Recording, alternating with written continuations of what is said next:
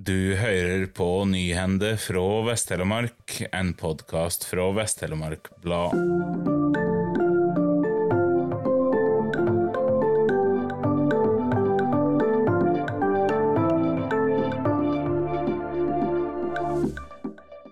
Under arbeid med å ruste opp steinpilarene til sjøbua i Lårdal fant tradisjonshåndverker Eistein Greibrokk illegale aviser fra våren 1945 denne veka.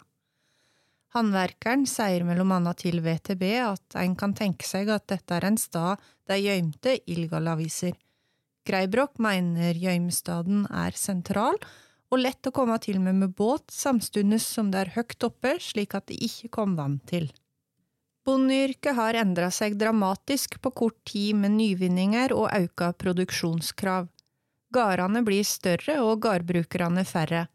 Leder for Telemark Bondelag Trude Flatland og leder for Vest-Telemark Småbrukarlag Tor Mølster Bygland oppmoder bøndene i regionen til å melde seg inn i et lag og engasjere seg når noe skjer. Denne veka blir Nordens største countryfestival holde på Dyrskuplassen i Seljord.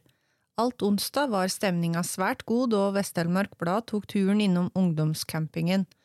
På vtb.no kan du gjennom helga bli oppdatert på hvordan Vest-Telandet har det på festival i Seljord.